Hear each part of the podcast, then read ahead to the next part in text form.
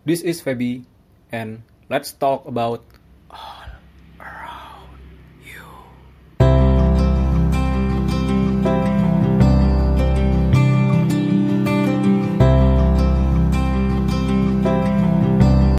Pada kesempatan kali ini di podcast Abi Talks kali ini, gue mau ngobrol sama seorang apa nih multi talent girl, perempuan yang sangat multi talenta. Dia mahasiswa berprestasi tingkat kalau nggak salah masuk tiga besar sekampus. Iya nggak sih? Iya kan ya? Iya pasti. Iya mas. Nah, terus juga aktif banget di dunia kesenian. Dia bisa main semua alat musik dan terutama paling sering nampil sebagai vokalis dan apa tuh? Nyebutnya pianis atau keyboardis? Nggak tahu. Itu apa tuh? Keyboardis mas. Oh, keyboardis. Ya, waktu dan tempat saya persilahkan buat Anda perkenalan dulu biar kenal dulu semuanya baik. Oke, halo semuanya. Em, pendengar setiap podcastnya Mas Feby. Kenalin nama aku Baik, Baik Nabila. Biasanya di kampus dipanggil Baik sih. Hmm. Apa kabar kalian semua? Baik-baik saja. Iya, Baik, baik. jokes gue garing banget ya mas. Biasanya gitu biar gampang diinget namanya. Hmm, siap, siap. Tapi udah gampang diingat kok nama baik itu kayaknya nama orang-orang Lombok ya. Lombok itu banyak kalau nggak baik itu satu lagi apa tuh kalau cowoknya? Lalu, Lalu ya. Itu udah sering banget denger. Iya benar banget mas. Jadi kalau misalkan di Aceh itu mungkin cut sama tengku kali ya. Ya, kalau di Lombok itu lalu sama baik. ya dan FYI itu nama bangsawan. I- Jadi baik ini Darahnya tapi masih ya. merah nih, nggak ada biru birunya darahnya. Ya. Oke jadi sekarang baik semester 8 nih mas Feb FYI masih berjuang menjadi eh, angkatan corona. Jadi semua semuanya online, wisudanya juga katanya bakal online. sangat Iya. ini sih agak sedikit tidak biasa rasanya. Padahal euforia euforia kuliah tuh wisuda nggak sih? Iya sih, kalau di Indonesia kayaknya wisudanya yang paling ditunggu deh. iya mas. Oh iya, di episode kali ini pengen ngobrol tentang yang lagi rame kemarin yaitu rasisme. Tapi nggak cuma yang di US doang, kita pengen ngobrol secara apa ya kalau bisa secara komprehensif gitu ya. ya kalau nggak Wow. selingkungan kita lah, yang ada di sekitar kita aja. Nah, baik ini pernah setahun ya Ik ya di US. Iya mas. Waktu itu tahun 2014 sampai 2015. Hmm, itu alasan Sempat di kenapa US. baik menunda kuliah ya? Eh, Sebenarnya waktu yang di US aku masih SMA mas. Oh, Kalau yang di kuliah itu eh, di Jepang waktu itu. Tapi nggak Oh. setahun, nggak selama itu. jadi sebenarnya kita seangkatan tau. Iya benar, sebenarnya aku anak 2016, eh 2015 sih. Ya, eh, tapi jadinya turun deh gara-gara di US tahun jadi nggak ikut UN waktu itu. Hmm. gitu. Ngomong-ngomong di US, pengalamannya gimana aja tuh? Ik? Mm-mm. Wah banyak banget Mas Fabi. Jadi mulai dari pertama datang pun itu penyesuaiannya agak sedikit berat sih. Karena memang eh, pertama dari segi makanan, jadi pertama datang langsung disajikan makanan itu kan beda banget. Nggak ada nasi, nggak ada Mm-mm. nggak ada santan-santan, sambel-sambel gitu kan. Itu di Kayak tiba-tiba lokasinya? waktu di Washington DC. Jadi di landing kedubes pertama atau apa? it, em, di kedubesnya, kedubes Amerikanya. Iya ya. Jadi kita dikasih semacam eh, makan malam apa welcoming dinner gitu dan makanannya bener-bener beda banget sama biasanya gitu ya. Jadi kaget. Terus dari sisi sholat juga ibadah secara general itu juga susah banget nyari musola atau masjidnya di sana mas. Jadi kayak Hmm. mesti usaha banget gitu nyarinya dan kalaupun udah dapet itu biasanya ruangannya kecil di pojokan terus nggak ada arah kiblat jadi kita harus kayak inisial inisiasi sendiri buat eh, nyari kiblat dan lain-lain Hmm. terus penyesuaian dari segi penampilan juga karena dulu Nah, ya, gimana tuh? baik kan pakai jilbab ya mas ya Mm-mm. dari SMP. Jadi pas di US itu eh, udah pakai hijab dan em, agak sedikit ini sih eh, ditanya-tanya gitu sama teman-teman di US kayak itu Hmm. apa gitu. Apa itu bagian dari culture kamu atau bagian dari agama gitu. Jadi mereka penasaran banget sama aku pakai jilbab. Karena Hmm. FYI dari satu sekolah yang isinya kurang lebih 3000 murid waktu itu eh, yang Islam itu cuma tiga orang dari 3.000? tiga ribuan itu. Wow, itu satu banding seribu dong. Iya mas, gila banget emang. Dan yang pakai jilbab itu cuman bila sendiri. Jadi Hmm. kayak bener-bener di sekolah itu kalau misalkan eh, ditanyain anak exchange itu yang mana itu yang pakai hijab gitu. Soalnya sendirian, terus sendirian juga kan aku kecil, jadi kayak mudah ditemukan dalam keramaian gitu. Iya, iya, apalagi Jadi di Amerika gitu. ya. Mm-mm, bener banget. Tapi waktu itu presidennya masih Obama, jadi Oh. eh, lebih santai sih terhadap Muslim. Enak Dan- bisa ngomongnya. Itu tuh presiden lu tuh alumni SD di Jakarta tuh, tenggara gua gitu. Oh gila di Menteng ya, asik. Anak Menteng doi. Tapi sempat rame nggak waktu Obama jadi presiden terus baik jadi student exchange di sana? Maksudnya sempat disinggung nggak di sama teman-teman? Sekolah. Heeh. Em, sebenarnya kalau spesifik ngomongin kayak Obama gitu sih enggak sih, karena emang isu politik kalau di anak remaja itu nggak seheboh kalau di Indonesia mas, kalau Hmm. menurut aku. Jadi kalau di sana anak-anak remajanya itu cenderung lebih cuek sih, kayak nggak Hmm. nggak peduli kalau sama politik. Kalau di Indonesia kan rame ya di Twitter, di Facebook gitu kan. Apalagi kan presiden Amerika yang pernah sekolah di Indonesia jadinya rame banget gitu kan. Padahal di sananya mah Oh, nggak tahu mungkin kalau Obama pernah di Indonesia ya. nggak tahu. Bahkan mereka nggak tahu Indonesia di mana.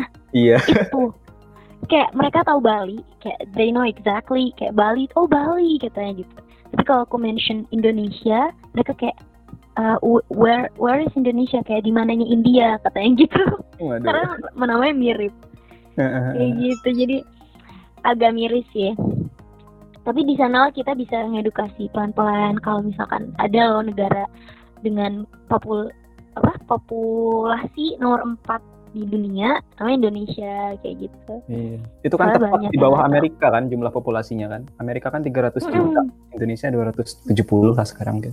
Bener banget mas Tapi mereka nggak tahu Indonesia.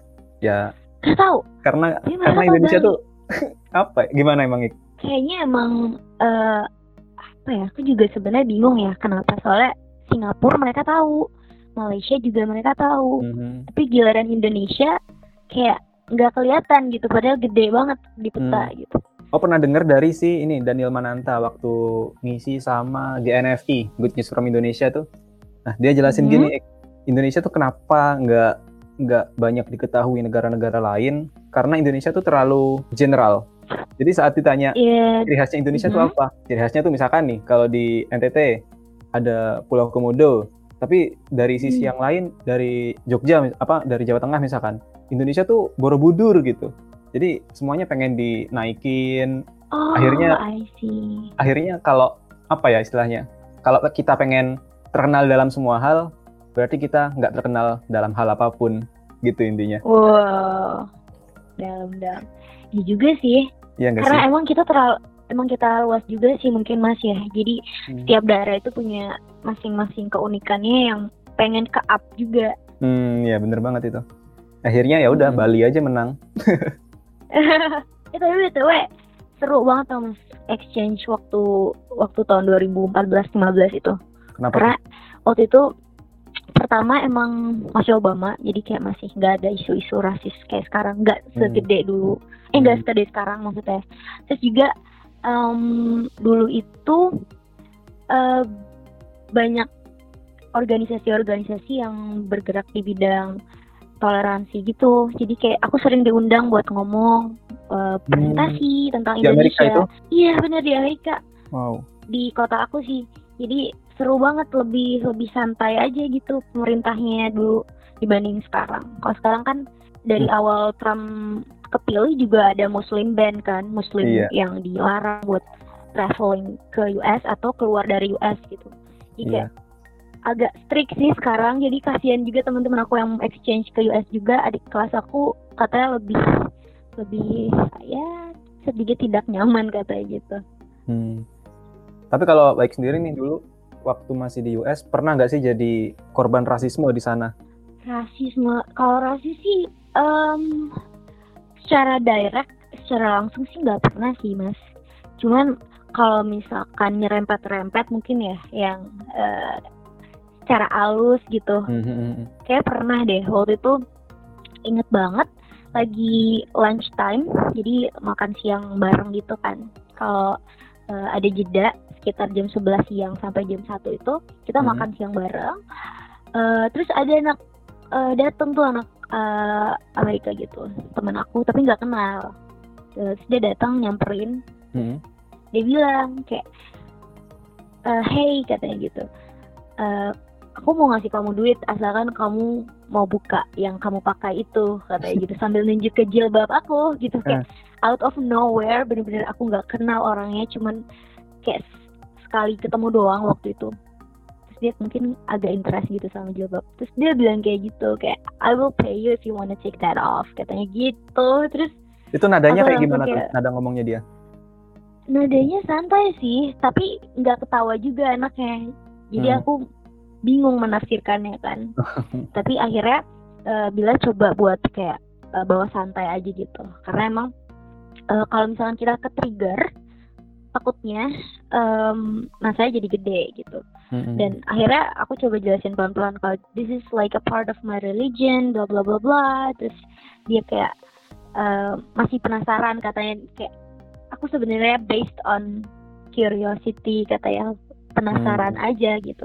Jadi aku pengen kayak seperti apa sih dalamnya dan kenapa cuman eh, beberapa orang doang yang boleh lihat katanya gitu Hmm. terus aku bakal bayar aku bakal bayar katanya gitu kayak seperti objek Sepenasaran itu emang dia ya. Mm-mm, bener mas. Terus eh kalau yang rasis yang sampai dibully gitu sih enggak sih. Tapi memang tatapan-tatapan anak-anaknya memang beberapa memang ada yang seperti asing gitu melihat ada anak pertukaran dengan memakai jilbab. Hmm. Terus warna kulitnya juga beda dengan orang kebanyakan di sana. Jadi beda ya Ki? Beda mas. Aku kalau di Indo mungkin agak terang kulitnya, tapi kalau di US itu aku termasuk yang eh, brown jatuhnya, yang Oh, sawo iya? matang. Wow. Iya. Padahal kelihatannya Iya, Mas. kayaknya kayaknya sama gitu. enggak, enggak, enggak. Ternyata beda ya. Enggak, kok. Beda. Soalnya mereka itu putihnya tuh lebih ke kalau Korea kan putihnya tuh putih eh, langsat gitu ya, Mas. Kalau Korea Jepang. Kalau Hmm. US tuh lebih ke arah kemerah-merahan gitu warna kulitnya. Mostly ya. Hmm. Kayak eh, putihnya tuh kemerah-merahan. Coba deh lihat beberapa bule. Biasanya gitu. Iya. Bule yang di Indonesia biasanya Mm-mm. udah ini sih, udah kotor. Udah kotor dong. Apa tuh? iya. Nggak maksudnya kan mereka untungnya- berjemur jadi biasanya kelihatannya yang yang udah yang udah jadi apa Iya. ya? Kelihatannya kayak coklat Dirty coklat. blonde. Hmm. Asik. Tapi enaknya gini mas, waktu di US itu aku kan dapet keluarga angkat yang tinggal bareng sama aku. Jadi Hmm.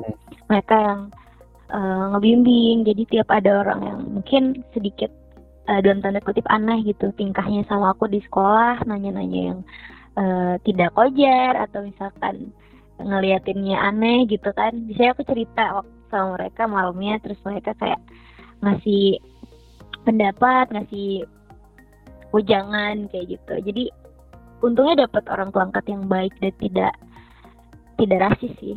Orang tua Hmm. angkatnya benar-benar baik banget sampai aku eh, waktu itu kan puasa juga sempat di US beberapa hari. Itu sahurnya dibangunin sama mereka, Wow. dimasakin, bukanya dimasakin gitu. Oh, Toleran banget gitu. Alhamdulillah. asik. Itu bapak ibu kan ya? Iya, pasangan em, usia host family aku itu yang cowoknya, yang host date-nya 79, Hmm. terus kalau ibu itu 65 waktu itu. Jadi udah tua sih. Hmm. Tapi gara-gara itu punya- malah mereka udah dewasa Apa-apa? banget pemikirannya, Oh. udah terbuka banget. Hmm. Mereka punya anak lagi nggak selain itu, selain baik sendiri? Punya, jadi dua orang. Maksudnya anak yang benerannya gitu? Anak beneran, nggak anak angkat kayak Hmm. anak benerannya cuman udah nggak serumah tinggalnya. Biasanya Oh. boleh kalau udah 17 tahun atau udah lulus SMA itu nggak boleh serumah lagi. Oh, jadi apa tuh? Kuliah, sekolah, kuliah ya? Kuliah yang Hmm. anaknya. Hmm, hmm, hmm. Kalau anaknya udah kerja sih. Tapi itu maksudnya orang-orang Amerika yang ini kan, apa? Warga yang kulit putih kan? Iya kulit putih. Itu kan yang lagi rame sekarang juga rasisme dari kulit putih ke kulit hitam tuh. Iya, Hmm. wah rame banget tuh. Kemarin aku lihat beberapa berita ya. Nah itu sebenarnya pengen ngikutin gitu ceritanya itu Ik. Sama nyari-nyari, Mhm. ngeliat video-video YouTube, banyak kan di YouTube sih. Iya. Itu pada jelasin eh kalau konteks umumnya mungkin udah pada tahu lah ya. Itu ada seorang kulit hitam yang di apa ya dibekuk sama polisi tapi dibunuh sekalian gitu. Hmm. yang jadi masalah itu kamu ngelihatnya di beberapa video ternyata beda nih antara orang kulit hitam apa ya Black American sama yang keturunan Afrika atau orang Afrikanya yang ke Amerika. Nah itu gimana sih maksudnya? Sebenarnya konsep um, Black Americans itu sama sama aja sih mas.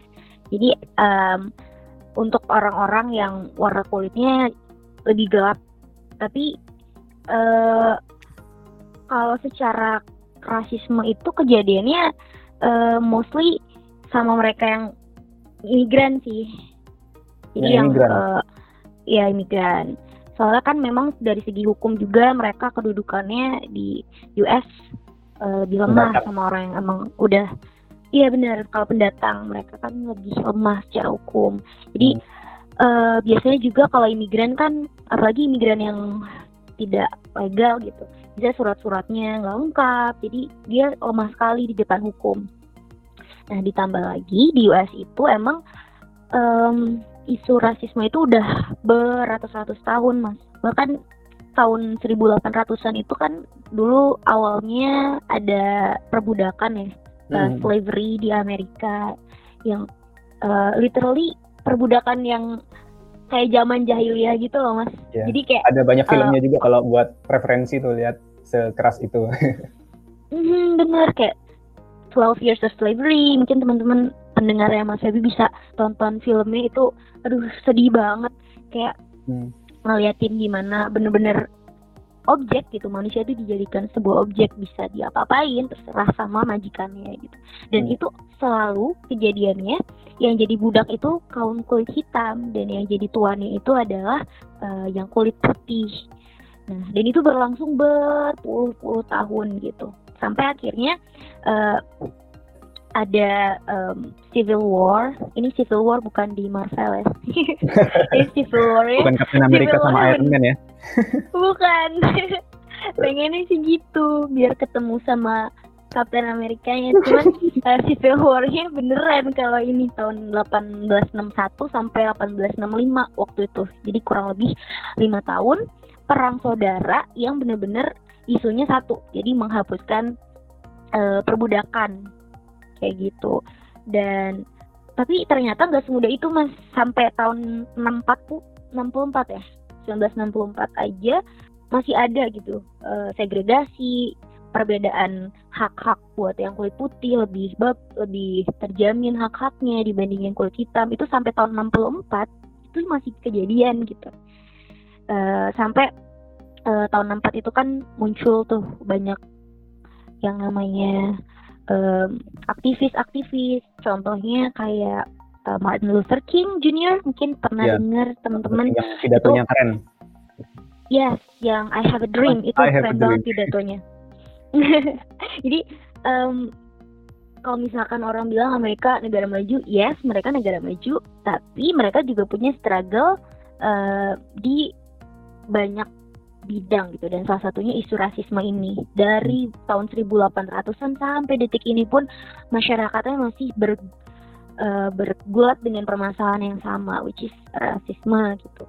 Dan em, ditambah lagi sekarang pemimpinnya itu Trump which is dari awal dia kampanye banyak banget materi-materi kampanyenya yang menyuarakan isu-isu rasisme isu-isu em, white privilege atau istilahnya hak lebih untuk kaum kulit putih gitu Hmm. Jadi banyak orang yang kesel dari awal Trump muncul tuh kayak, ya apaan sih nih Trump nggak jelas banget kampanyenya nggak nggak ini banget gitu, nggak adil buat yang non white gitu. Jadi eh isu ini makin kedengeran lagi nih di zaman zamannya Trump. Nah, gitu mas. Terus ditambah lagi beberapa tahun ini banyak kasus eh, orang kulit hitam yang berhadapan sama polisi dan akhirnya polisinya bertindak semena-mena gitu. Salah satunya yang George Floyd.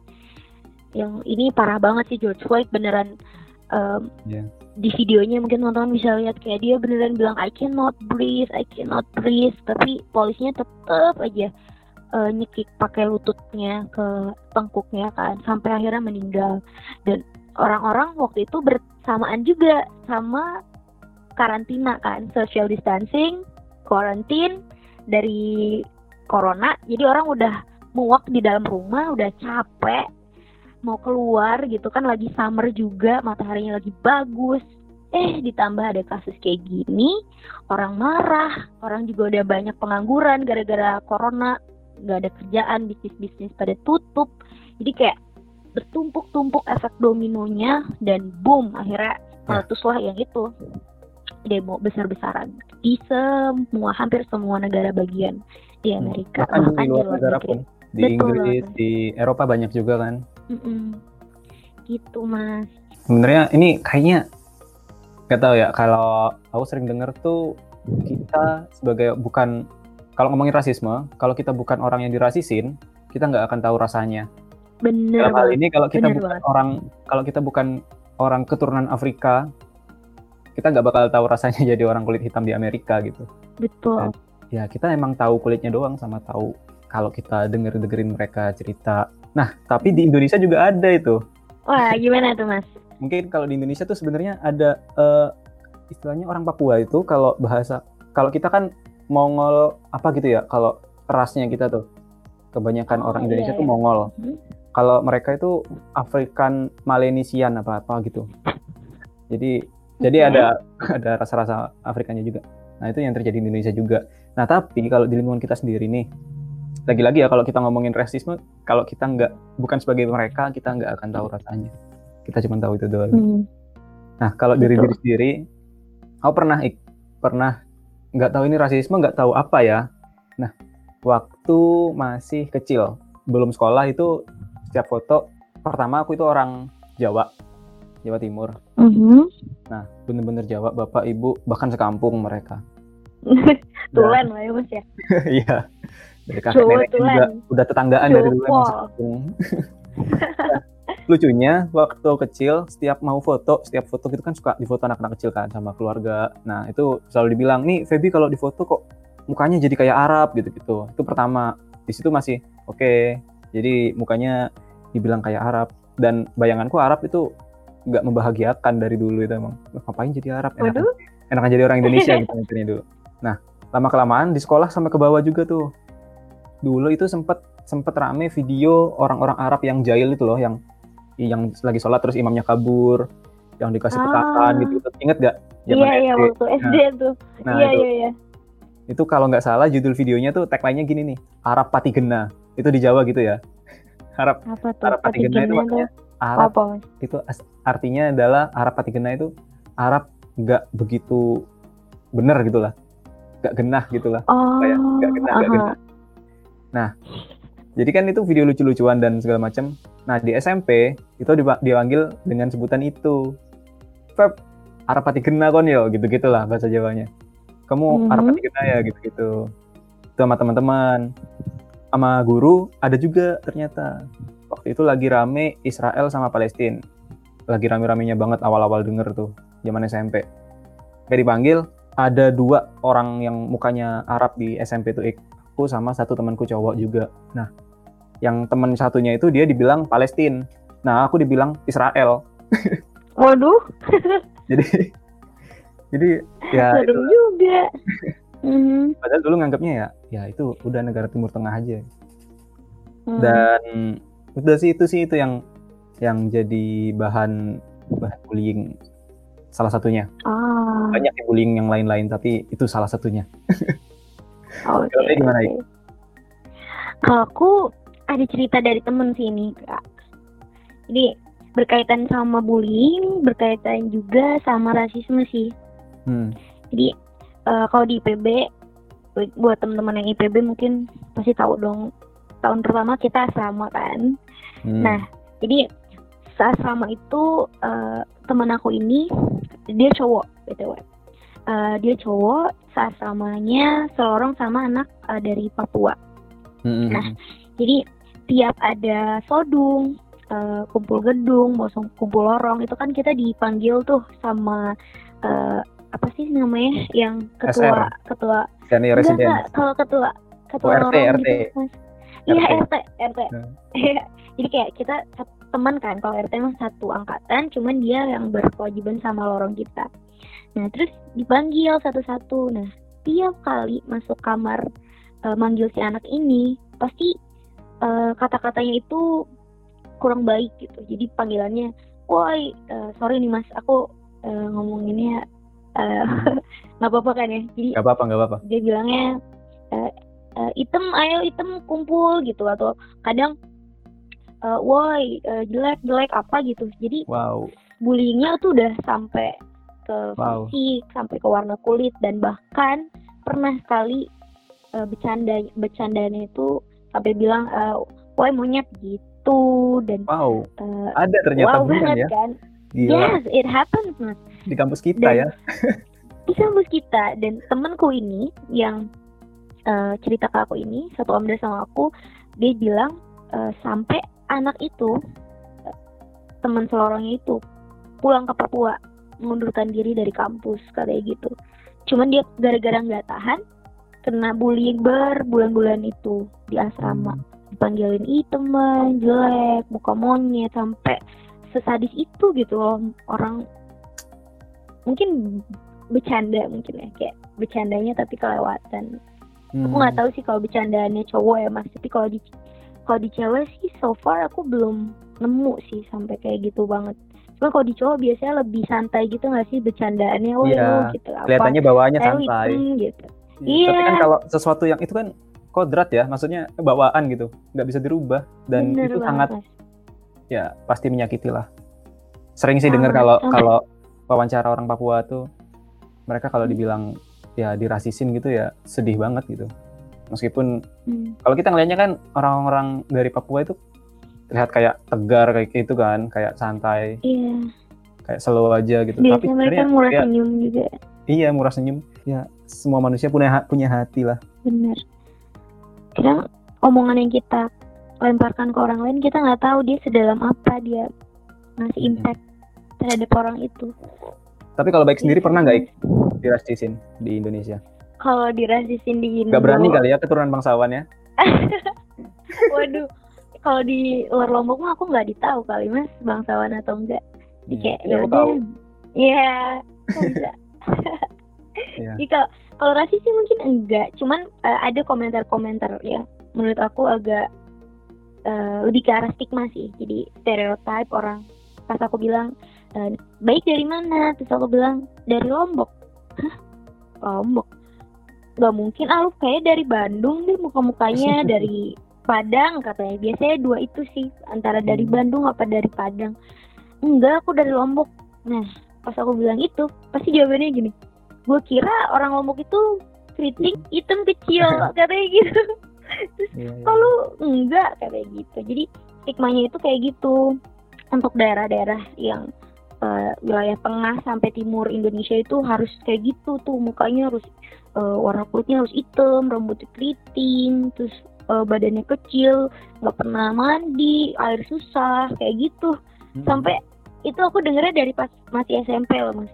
Aku sempet dulu ada acara gitu di Jakarta waktu SMP beberapa Hmm. anak kota misalnya anak kota tuh ya Jabodetabek yang beranggapan seperti itu gitu. Jadi agak aku awalnya bingung sih kayak Hah, emang emangnya gitu ya stigma orang gitu dan sampai sekarang pun 2016 tuh aku masuk IPB masih ada tuh beberapa komentar iseng ya mungkin bilang kayak gitu Hmm. Padahal kalau yang padahal mah aslinya asli Lombok bener gitu ya emang emang orang Lombok itu ya asli Lombok beragam gitu nggak cuman itu doang gitu. wah udah beragam banget apalagi sekarang eh, dari semenjak Orba Orde Baru kan ada Transmigran. transmigrasi. ya mas. Jadi banyak juga kok teman-teman Papua juga teman dari timur itu yang orang Jawa aslinya yang ada juga yang warna kulitnya itu udah campuran Jawa sama Timur gitu. Jadi dia sawo mateng yang aduh manis banget gitu.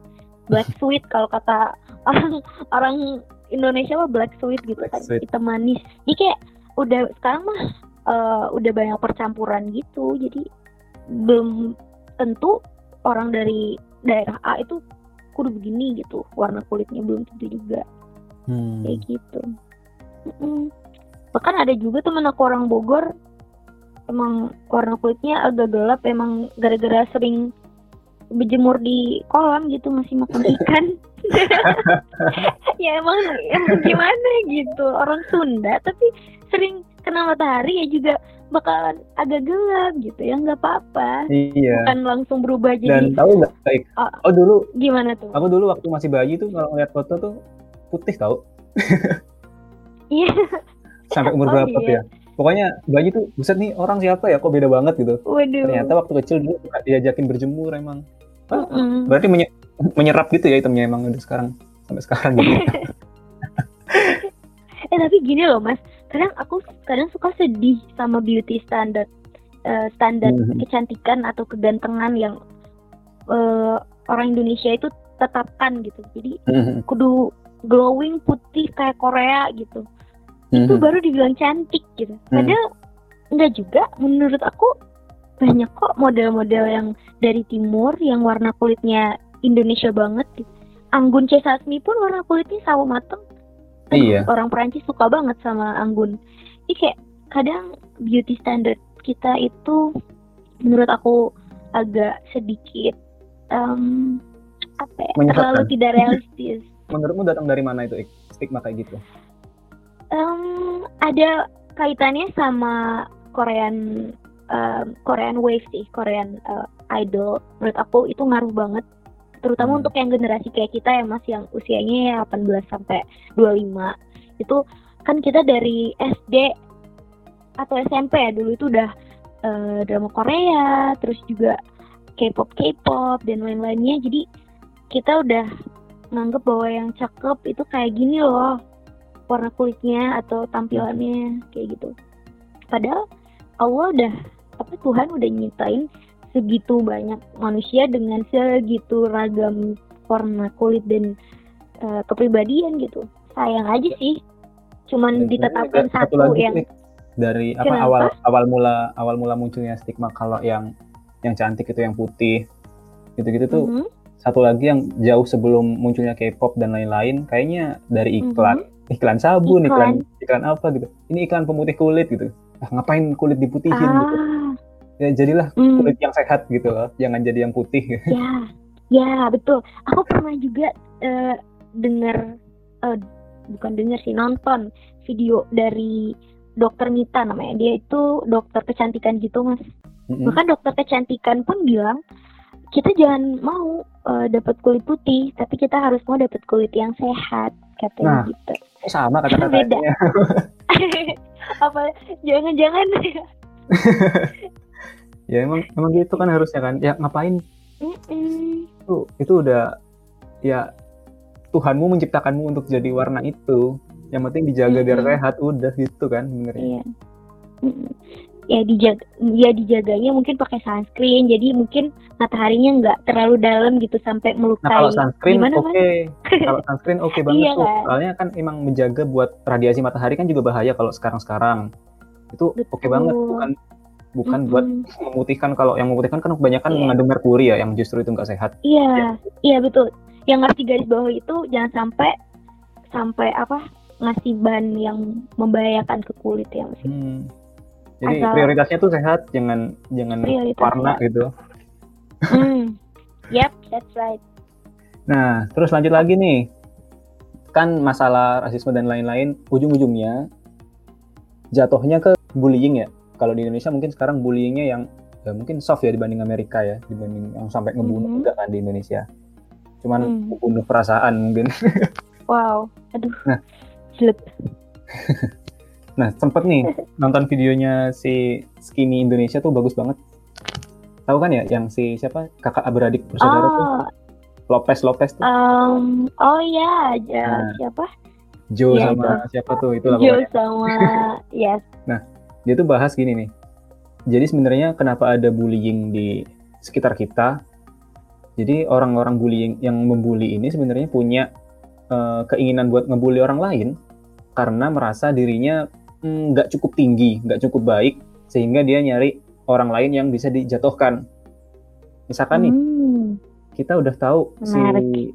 kita peringkat tiga gitu misalkan ya dari lima orang kita peringkat tiga kita ngelihat satu dua tiga satu sama dua tinggi banget kita nggak bisa ngejar sehingga kita memilih buat menjatuhkan si empat dan lima biar kita kelihatan pinter jadi analoginya kayak gitu oke. dan Menarik, itu kan itu sebuah energi yang negatif Mhm. sehingga menciptakan energi negatif yang disebarkan ke orang lain lagi sama dia yang menerima awalnya itu. Jadi sebenarnya kalau Kayak emang gitu. pengen menghilangkan bullying, menurutku nih ya, menurutku pribadi, kalau kita bisa memberi- memberikan energi positif, itu akan membuat orang itu juga nggak menyebarkan energi negatif. Seenggaknya lebih baik kalau bisa Hmm. memberikan energi positif yang lain. Dan caranya apa? Penting banget karena bullying ini diawali sama anak-anak. Ya kita pernah di mana Malasari kan ya Mhm. dan itu sangat ditekankan kenapa penting banget buat mengapresiasi apa pun yang dilakukan sama anak-anak hal yang baik tentunya Hmm. yang yang salah di- dibenarkan Iya, iya. Tuh. Karena Ini kuncinya diapresiasi kayaknya ya meskipun ini kamu apresiasi. jangan di apa ya jangan memberikan energi negatif ke orang gitu. Aku pernah baca mas suatu riset eh, di bidang psikologi gitu. Aku Hmm. lupa jurnalnya apa, cuman waktu itu eh, ada suatu peneliti yang membuat semacam korelasi gitu antara masa kecil sama eh, masa setelah dewasanya. Nah, biasanya yang dulu pas kecil itu sering disalahin sama orang tuanya, terus dipukul, itu gedenya kemungkinan untuk membuli itu lebih gede dibandingin sama anak-anak yang masa kecilnya cenderung adem ayem. Jadi kayak ada unsur revenge apa eh, balas dendamnya dendam. juga sih. Kebanyakan bulliers. Istilahnya bulliers nggak?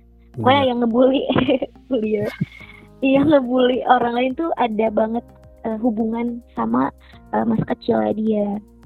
Aku Iya. bukan psikolog sih mas, cuman em, make sense sih di di akal aku kayak eh, anak itu kan me- menjadikan orang tuanya sebagai guru pertama kan. Jadi apa yang dia lihat, oh gini nih cara buat eh, membuat hati puas. Oh ya udah coba gue coba dengan menyalahkan orang misalkan. Wah Nah, jadi bahas parenting nih. gimana gimana? Jatuhnya setelah dibully itu kita bakal ini loh korban-korban bullying secara nggak sadar karena emang udah tertanam di alam bawah sadarnya ya misalkan dikatain Mhm. bodoh lah dikatain pendek dikatain hitam gitu-gitu lah itu bakal Mhm. ke bawah sampai dia dewasa tanpa sadar dan Hmm. jatuhnya kalau ke udah usia-usia sekarang nih usia-usia apa ya quarter life biasanya tuh jatuhnya ke insecure ya nggak Uh, that's right, Mas. itu tuh. Aduh, banyak banget sekarang yang bahas insecure apalagi dari abis film yang itu apa sih judulnya? film apa? Yang gendut, imperfect imperfect. Yes. Ya, itu kayak apalagi di usia quarter life di usia 20-an. Itu kan emang kalau istilahnya kan ada quarter life crisis ya. Mhm, kayak yes. Semua yang kita lakukan tuh nggak ada yang bener gitu rasanya. Kita udah punya tujuan. galau. Ini bener nggak ya? Kegalauan ya, usia kegalauan. Iya. Uh, keresahan tingkat tinggi. Nah, tapi kan kebanyakan orang tuh gini, Ik. Banyak dari kita yang ngelihat orang lain dan kita merasa insecure gitu. Karena kita nggak punya Mhm. kemampuan orang lain itu. Iya Hmm. nggak? Betul banget. Aku pernah ngerasain itu, Mas, masalahnya. Oh, itu mau ditanya tuh. Pernah ngerasain nggak? udah pernah. Gimana tuh bisa gitu? Sudah, oh, sudah sekali mas, sudah banget. Gitu, em, terutama waktu aku mulai sering buka sosial media sih. Jadi dulu aku nggak punya IG sampai masuk kuliah itu baru bikin IG. Hmm. Dan eh, pas abis bikin IG itu kan IG bener-bener me, apa ya? Aku merasa kalau di IG itu kita cuma ngelihat sudut pandang bahagia seseorang gitu. Jadi kita ngelihat panggungnya, panggung besarnya orang. Kita bandingin sama backstage kita, yang jelek-jeleknya kita dan lain-lain. Jadi nggak adil sih komparasi itu. Kita melihat kesuksesan orang, Hmm. terus kita bandingin sama kita yang, aduh gue cuma sampai segini, aduh gue banyak ujiannya, gue, aduh permasalahan hidup gue banyak, masalah keluarga lalala gitu kan. Jadi uh, insecure itu ditambah lagi kayak misalkan orang ngeposting pencapaian, prestasi, ataupun dia traveling ke mana-mana gitu. Sementara, aduh gue di sini-sini terus gitu. Nah Iya. sempat tuh mas, kayaknya nggak cuman bilang ada yang ngerasain, kayak semua yang sering nge-sosmed juga pasti ada tuh percikan-percikan insecure nggak sih? Iya iya. Nah, waktu itu aku sempat berbulan-bulan sih itu mas kayak edik, kecanduan sama sosial media, tapi nggak tahu. Kayak aku udah tahu efeknya buruk, tapi aku nggak bisa ngelepas karena udah edik, gitu kan? Sampai akhirnya aku berpikir, oke kayaknya aku nggak nggak bisa nih terus-terusan ngebandingin hidup hidup aku. Karena emang bakalan tetap ada orang yang lebih dari seorang baik. Lebih pintar lebih lebih tinggi. Ya banyak. aku pendek nih mas. Lebih lebih deh pokoknya gitu. Jadi eh, nggak bakal mungkin karena di atas langit pasti di atas langit ada langit gitu. Mm-mm. nah akhirnya aku mulai tahun berapa ya itu? 2018 mungkin ya. Aku mulai mikir buat eh, ngebikin konten-konten di Instagram aku entah bentuknya video atau banyakkan video sih kayak mulainya awalnya di snapgram gitu kan ngeliat-liat eh ternyata seneng nih followers bila eh ya udah jadi konsisten dari situ sampai eh, waktu itu disaranin ikut duta IPB sama departemen terus nyobain terus kayak bikin video kan salah satu syaratnya sih ya udah Iya. aku coba bikin video dan dari situ tuh mulai bagus banget responnya Itu keren banget itu. Iya emang keren banget waktu mau daftar ke duta itu ngelihat, wih, cakep nih gitu. Maksudnya videonya cakep banget gitu. loh. Wih, kontennya. terima kasih mas Hmm. ya jadi mungkin itu sih tips dari baik buat ngurangin insecure itu kita nggak usah fokus ke pencapaian orang nggak usah terlalu fokus ke pencapaian orang boleh sekali-kali melihat pencapaian orang untuk membuat kita semakin terpacu kayak oh target gue nih kayak gini nih gitu seenggaknya gue bisa eh, kayak gini gitu. Tapi Mm-mm. kita juga harus buat uh, komitmen sama diri sendiri buat uh, jadi konten creator gitu. Buat menginspirasi orang atau buat ngasih edukasi ke orang atau buat orang seneng. Misalkan uh, ngasih video lucu atau ngasih video cover kayak yang aku lakuin sekarang. Jadi kayak apa pun lah bentuknya. Yang penting berbagi positif berkarya sampai akhirnya kita um, tidak fokus membandingkan diri kita secara berlebihan sama orang lain Mm-mm. Nah kayak gitu sih. Karena awalnya insecure itu adalah saat kita gabut, nggak punya konten, nggak nggak nggak punya kerjaan, kesibukan, akhirnya kita ngapain? Ya udah ngelihat orang lain gitu. Ngelihat pencapaian konten- orang jadinya. iya dan kadang pencapaian orang tuh kayak tidak seindah kenyataan karena Iya. yang kita tampilkan di sosial media juga banyak hal yang em, ya dikurasi sedemikian rupa gitu di diatur sedemikian rupa biar cantik biar lebih estetik dan lain-lain gitu. Jadi ya kurangi membandingkan diri perbanyak syukur dan berkarya sih paling. Hmm. Kalau di agama kita tuh di Islam tuh ada istilah bukan istilah sih ini apa ya? Hadis apa ayat ya? Yang fastabikul khairat. Jadi berlomba-lomba dalam kebaikan kan? Nah itu Mhm. juga eh, dan satu lagi yang dipesanin di Islam juga kan kita tuh nggak boleh iri kecuali iri dalam satu hal yaitu iri dalam kebaikan Hmm, jadi jadi kalau kita ngerasa insecure dengan kebahagiaan orang itu kayaknya bukan sesuatu yang harus kita irikan dari orang gitu. Kecuali dia lebih nih apa ya, misalkan dia lebih banyak membantu orang gitu. Jadi kita iri nggak apa-apa asalkan Hmm. kita berusaha buat mengejar itu. Soalnya itu Betul. ya, kayak tadi kata baik juga kan. Kita insecure itu nggak baik. Bukan nggak baik ya, nggak baik. Tapi Tapi kalau- tapi kalau itu insecure karena kita pengen maju, itu dibutuhkan. Hmm, Jadi biar kita bisa berkembang gitu. betul Apalagi ya? Iya. eh, paling tentang insecure insecure lagi sih mas kadang yang aku lihat ya tren di Indonesia itu kita terlalu sering kayak ngikutin gitu Ah, kita nggak tahu kontennya positif atau negatif. Kayak pokoknya kita ngikutin yang lagi ngetren gitu. Em, aku senengnya kalau ini pendapat pribadi sih aku senengnya jadi pembeda aja. Jadi eh, gimana cara kita stand out from the crowd terus orang lain bakal notice. Kayak gitu. Hmm, ini random sih. Itu ke masuk ke ini sih prinsip personal branding. hmm oke Kalau kata Panji, nggak tahu kata Panji, nggak tahu kata siapa ya, pokoknya banyak yang bilang gitulah. Jadi sedikit lebih beda itu lebih baik daripada sedikit lebih baik. sedikit lebih baik yes Iya itu kan? yang jadi moto moto aku bener banget sebenarnya itu dia ngambil dari bukunya em, sebuah buku namanya judulnya Purple Cow mas aku ada bukunya kalau mau jadi dapat aku juga follow Bang Panji kan dan dari beliau tuh dapat banyak rekomendasi buku bagus salah satunya ini Purple Cow. Di sana beliau ngambil yang tadi statement yang sedikit lebih beda lebih baik dari sedikit lebih baik. Yang orang kira itu Bang Panji banget tuh statementnya. Ternyata kata Bang Panjinya gue ngambil dari Purple Cow katanya. Hmm. eh gue kirimin ya mas? Iya boleh. Oh sebenarnya denger itu dari ini sih, dari Iqbal Haryadi yang punya podcast subjektif. Ah, di Head of Marketingnya kita alright. bisa. uh mantap. Kayak aku mesti dengerin deh Iqbal itu salah satu oke. salah satu podcast yang pertama-pertama aku dengerin itu, hmm, karena dia Semangat, ngasih statement, ngasih statement kayak Panji itu, yang ternyata dari Oh. sebuah buku. Iya, iya. Jadi gara-gara terinspirasi sama Bang Panji itu, baik jadi kayak ya udah em, lagi corona juga kan gabut di rumah ya udah aku coba bikin beberapa video di YouTube. Itu deh mas. Apa tuh YouTube-nya? Bila baik Pakai underscore atau spasi?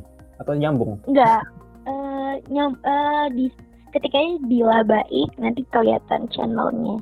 Kalau nggak salah pakai spasi deh. Kemarin aku lihat soalnya. udah ada tiga Iya, video cover spasi. yang like-nya tiba-tiba banyak aja udah. Waduh, Ya, baru tiga video udah Oke. banyak. amin. Ini ini masih merangkak memulai secara perlahan sih mas. Mohon doa mas. Aku juga Ya, doain podcastnya semoga makin makin cus. Amin. Kemarin juga banyak masukan nih dari Baik juga. Waduh, siap siap siap. Saling memberi masukan ya mas. Ya, kayaknya itu aja dari episode Mhm. kali ini udah ke mana-mana juga. Eh, Wow, iya nggak kerasa. ya, nggak kerasa. Dari dari bahas rasisme sampai masuk ke insecure. Ya wajar lah ya, kayak emang usia-usia quarter life crisis ini insecure di mana-mana. Eh ya, tapi Mhm. mau tahu, mau nanya dong. Menurut Baik, Iya. kamu udah ngelewatin fase itu apa belum? Atau lagi? Quarter life crisis. Sedang. Sedang ya? sedang sedang galau-galaunya nih mas tapi tidak di posting ya Iyalah, janganlah nanti.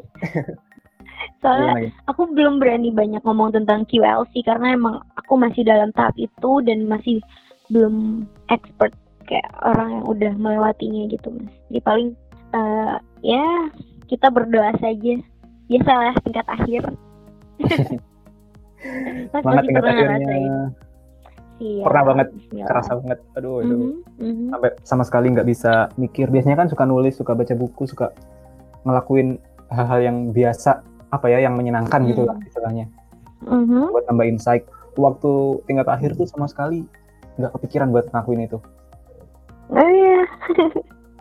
Iya mas. Itu hebat loh. Yang berat sih masih, masih bisa YouTubean gitu-gitu. Itu keren. Kalau dulu udah gila tuh vakum semuanya udah. Jadi begitu selesai skripsi itu langsung gas. Nih bisa ngelakuin apa? Langsung bikin gitu gitu. Mantap.